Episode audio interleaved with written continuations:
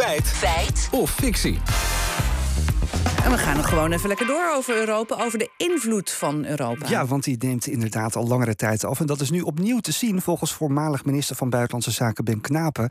Hij zei gisteren op deze zender dit. In Afrika is er geen enkel land dat die sancties steunt.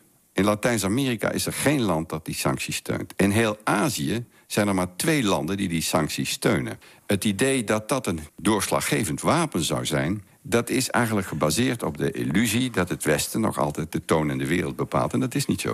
Ja, magere steun vanuit niet-westerse landen. Uh, dat is een teken, zegt Knapen, dat Europa invloed verliest. Ja, hij heeft het hier over de sancties trouwens tegen Rusland voor de duidelijkheid. En volgens Ben Knapen inderdaad, het is een teken dat Europa invloed verliest. Wat is het belang dan dat die sancties uh, toch gesteund worden? Ja, dat weet Klingendaal-onderzoeker Dick Sandé. Hij zegt dat er bij weinig steun bijvoorbeeld loopholes kunnen ontstaan waardoor wat je zelf sanctioneert toch door andere partijen geleverd kan worden, dan wel via die partijen of landen geleverd kan worden. Nou, in dit geval, hè, land als Turkije, land als Kazachstan, zijn dus doorvoerhavens geworden voor producten die toch aan Rusland geleverd worden, soms van consumentenproducten, appels en peren, maar het kan ook hoogtechnologisch waardig materiaal zijn. En dat gaat dus ook via die landen richting uh, Rusland. Ja, en dit is inmiddels al het twaalfde sanctiepakket van de EU tegen Rusland. Maar hebben die sancties dan nog wel zin? Nou, Laurien Krump is onderzoeker internationale betrekkingen aan de Universiteit Utrecht en zij zegt dit. Aanvankelijk wel, want er moest natuurlijk duidelijk een vuist gemaakt worden tegen Rusland. Maar u noemde net zelf al dat dit het twaalfde sanctiepakket is. En inmiddels is Rusland uh, helemaal geënt op een oorlogseconomie. En worden de sancties vanuit het Westen daarom ook uh, steeds minder relevant. Maar wat houden ze in, die sancties? Ja, sanctie-expert of sanctierecht-expert Helene Over de Linden zegt dat het om heel veel personen en materialen gaat. Maar dat in dit sanctiepakket dat, het, dat, het, uh, dat er één ding boven uitsteekt?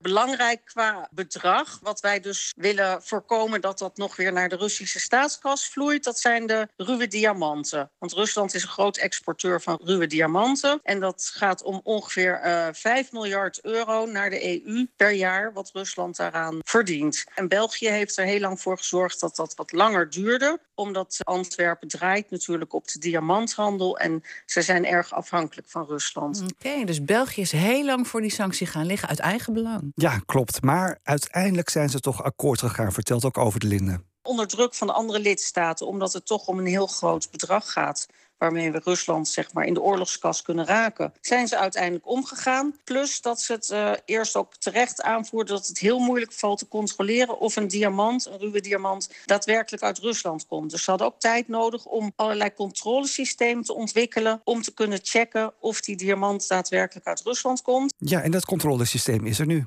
Interessant. Um, die EU-sancties tegen Rusland die worden wereldwijd nauwelijks gesteund. Is dat dan ook een teken, hè? want daar hebben we het in feite over, dat ja. het Westen de toon in de wereld niet meer bepaalt? Ja, dat legden we voor aan Laurien Krump.